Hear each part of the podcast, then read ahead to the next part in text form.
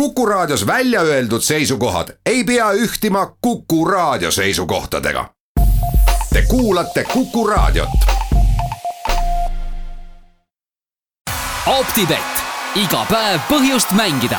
parimad pakkumised jalka MM-ile leiad Optibetist optibet.ee tähelepanu, tegemist on hasartmängureklaamiga. hasartmäng pole sobiv viis rahaliste probleemide lahendamiseks. tutvuge reeglitega ja käituge vastutustundlikult Kuku jalgpallipäevik. optibett, iga päev põhjust mängida jalgpalli maailmameistrivõistlustel on selgunud neli paremat. Prantsusmaa ja Belgia kõrval tagasid eile edasipääsu Inglismaa, kes alistas kaks-null Rootsi ning Horvaatia, kes kaks-kaks lõppenud lisaaja järel Venemaaga oli võidukas mängujärgsetel penaltitel. Poolfinaalidesse jõudnud meeskondadest on varem tiitli võitnud Inglismaa ja Prantsusmaa. seevastu Horvaatia ja Belgia on küll varem korra poolfinaali jõudnud, kuid finaali uks on jäänud suletuks. nüüd on neil uus võimalus.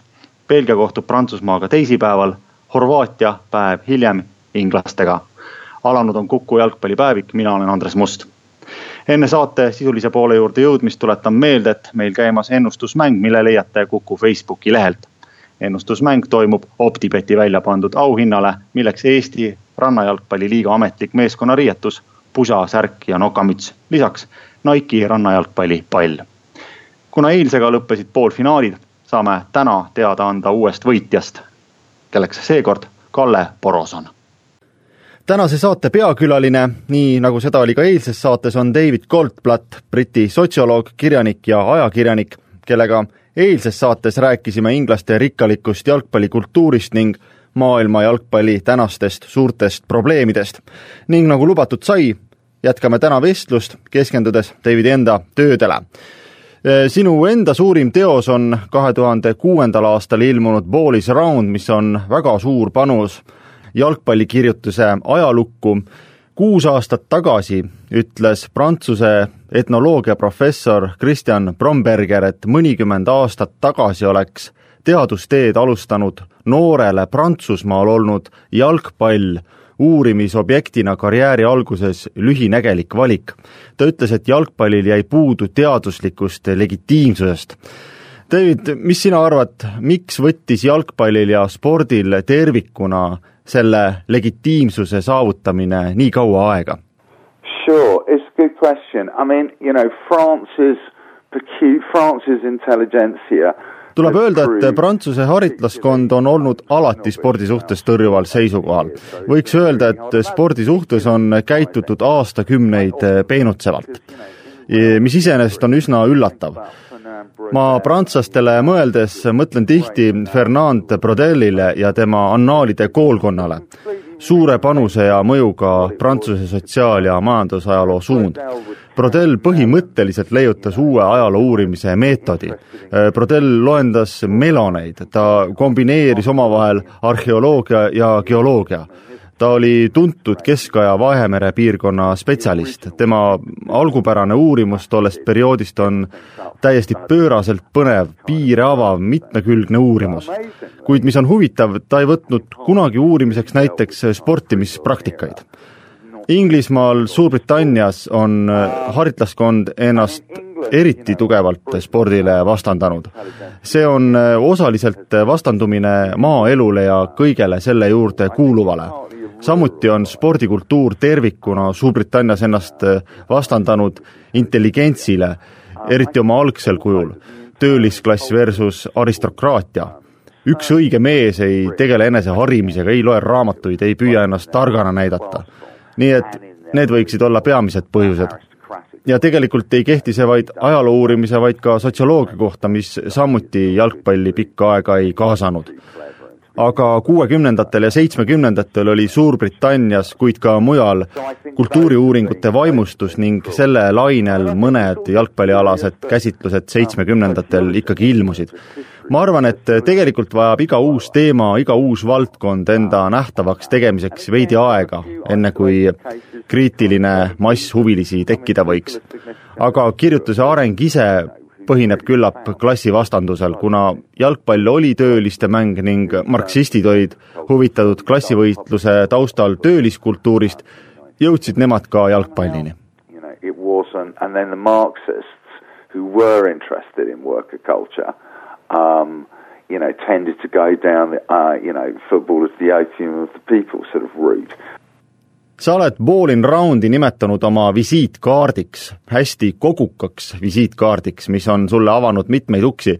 mis viis sind mõtteni nii mahukas teos koostada? Well, before I wrote The Ball is Round, I'd made a book called the um, World Football Yearbook, which was a enne nimetatud raamatut olin koostanud maailma jalgpalli aastaraamatu, mis on paljude piltide ja graafikutega ning mis žanriliselt asub kuskil entsüklopeedia ja sotsioloogilise uurimise piiri peal. tolle teose koostamine avas mulle globaalse jalgpalli nüansid ning pani mind jalgpalli üle eh, pikemalt järele mõtlema. ning üks mõte, mis mind siis heas mõttes kiusama jäi, rääkis sellest, et keegi võiks koostada tervikteose globaalse jalgpalli ajaloost. Oli küll kaks ajaloolast, kelle huvid polnud otseselt seotud jalgpalliga, kuid kes siiski olid kirjutanud jalgpallist, kuna nad ise olid jalgpallifännid. Need olid James Walving, kelle sulest ilmus seitsmekümnendatel People's Game ning Bill Murray The World's Game kaheksakümnendate lõpus. ma olen neid põhjalikult uurinud ning arvestades, kuivõrd piiratud oli tollal ligipääs erinevatele andmetele, võib neid raamatuid pidada üsna õnnestunuteks. Kuid kahe tuhande teisel aastal, mil uue raamatu plaani pidasin, olid need kaks raamatut oma aja kaugelt ära elanud. osa minust on alati soovinud globaalset ajalugu kirjutada ning siinkohal tulebki öelda, et üks minu suuri eeskujusid oli Briti marksist Erik Hobsbawm. teda lugedes leidsin, et soovin teha midagi analoogset. ja kuna ma töötasin kuus-seitse aastat ülikoolis sotsioloogia õppejõuna, olin uurinud globaliseerumisprobleeme ning sel teemal ka artikleid kirjutanud, siis võibki juba märgata, kuidas kõik need huvid ja kogemused kokku said ning mu selgele mõttele juhatasid globaalne jalgpalliajalugu kirjutada. mulle tundub, et minuga on varem ka nii juhtunud, et olles mõtisklenud erinevate valdkondade üle, olen avastanud mõne puuduva raamatu olemasolu, mida ma ise väga lugeda sooviksin. ja siis leidnud, et kui ma ei taha seda väga kauaks ootama jääda, siis tuleb mul see endal kirjutada.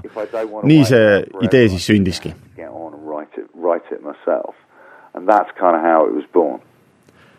hoolimata faktist, et sa panid kokku ligemale tuhandeleheküljelise tellise, võinuks see raamat, arvestades valdkonna suurust, vabalt olla ka kaks korda mahukam. milline oli sinu töömeetod ning mis sai otsustavaks äh, materjali valikul? Um, yes, it could have been much longer. I mean, in a way, I was quite lucky nüüd vist võtab küll vastamine pikema aja. võin olla õnnelik selle üle, et ajal, mil ma raamatut koostama hakkasin, oli mul võimalik ligi pääseda suurele materjalide hulgale, et oma raamatus katta kogu maailm. ilmunud oli juba päris arvestatav hulk kirjandust ning võin tõesti väita, et ühtegi suurt ja põhimõttelist lünka mu raamatusse ei jäänud samas polnud toona kirjandust ka sedavõrd palju, et selle leidmine mulle ülemäära lihtne olnuks.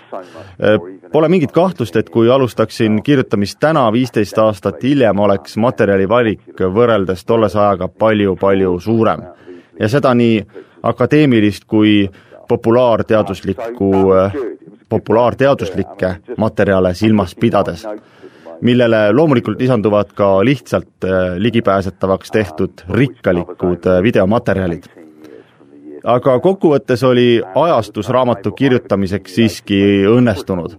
kui ma nüüd vaatan üle raamatule järgnenud hilisemad märkmed, siis võib-olla peaksin täiendama umbes kolmandikku teosest, nii et tõepoolest, toona oli kättesaadava materjali hulk juba täiesti arvestatav kui nüüd meetodist rääkida, siis tuleb esimese asjana märkida, et kõige tähtsamaks pean ma oma kõige esimese visandi joonistamist. kuna eesmärgiks oli kirjutada eh, headele müügitulemustele pretendeeriv teos, siis sai jagatud raamat kahekümneks eraldi peatükiks, mis arusaadavalt eeldab päris põhjalikku eelnevat läbimõtlemist ning hiljem väga täpset rajal püsimist. Kui ma olin raamatu peatükkideks jaganud, siis teadsin iga peatüki puhul juba, mis informatsiooni ma vajan ning kust ma selle leida võiksin loomulikult pidin töö käigus tegema ka mitmeid kohandusi algses plaanis, mis on iga nii suure töö puhul täiesti vältimatu. kuid vähemalt oli mul iga peatüki puhul kindel stardiplatvorm. Üheks kindlaks meetodiks, mida uut riiki või piirkonda lahti kirjutama asudes rakendasin, eeldas tutvumist tolle koha üldise ajalooga. niisiis, kui hakkasin kirjutama Argentiina jalgpalli ajalugu, viisin ennast esmalt kurssi Argentiina üldajalooga, see on ju kõige tähtsam. Ma lugesin riikide ajalugusid kümnete ja kümnete kaupa ja nii avastasin üsna sageli, olles eelnevalt konkreetse riigi jalgpalliajalooga tuttav, et mingi episood, juhtum seostub otseselt ka episoodidega riigi üldises ajaloos. jah, tegemist oli tõesti avastamist väärt ja huvitava protsessiga. ma nimetaks kogu seda loomisprotsessi isegi romantiliseks.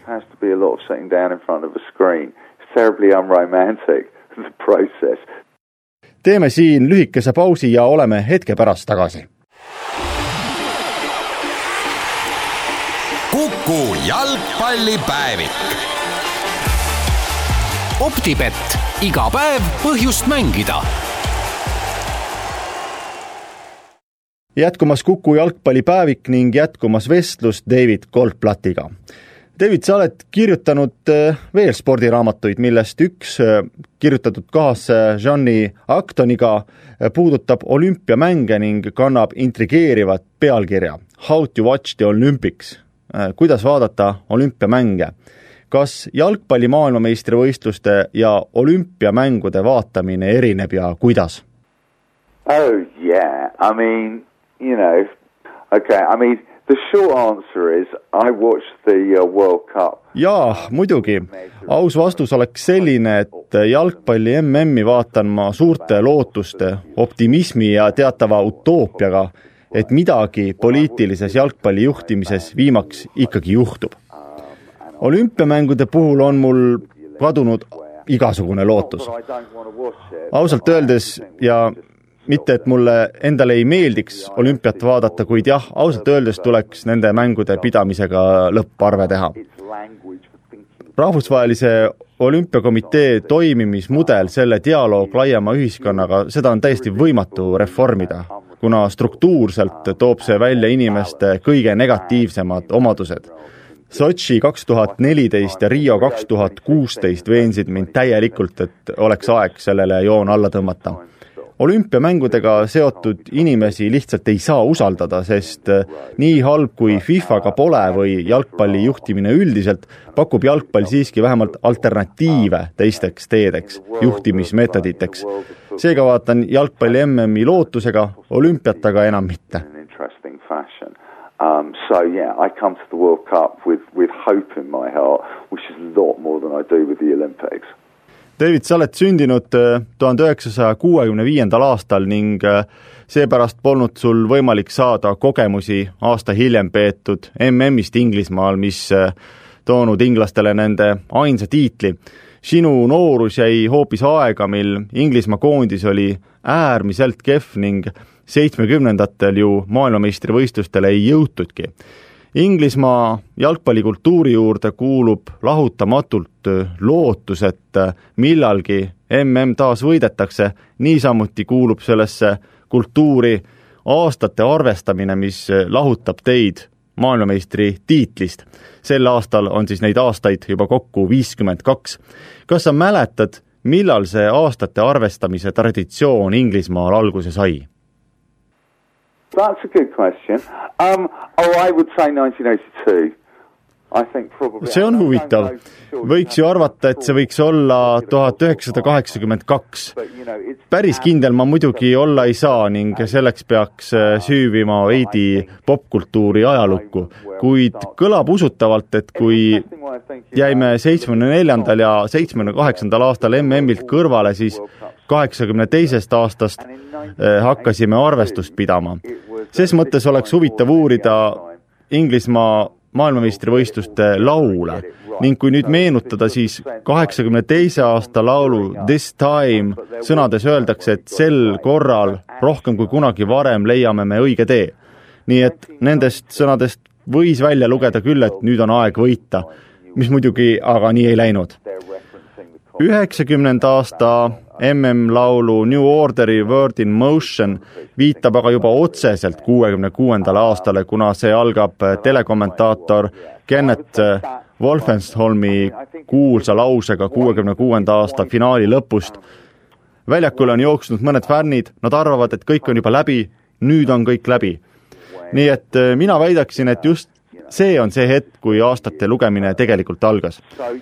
kuuekümne kuuenda aasta MM-i üks äh, võimsamaid panuseid äh, popkultuuri ajalukku pärineb aga üheksakümne kuuendast aastast, kui äh, Lightning Seeds laulis seda kuulsat kolmkümmend aastat valu, Thirty years of pain.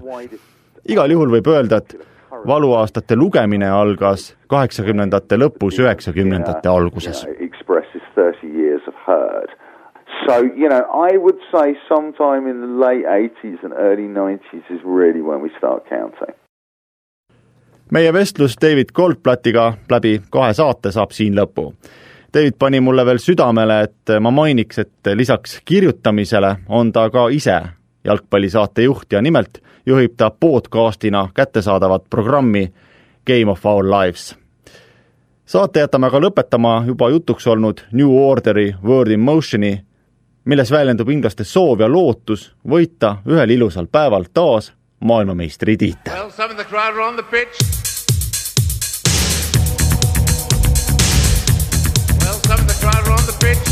They think it's all over, but it is now.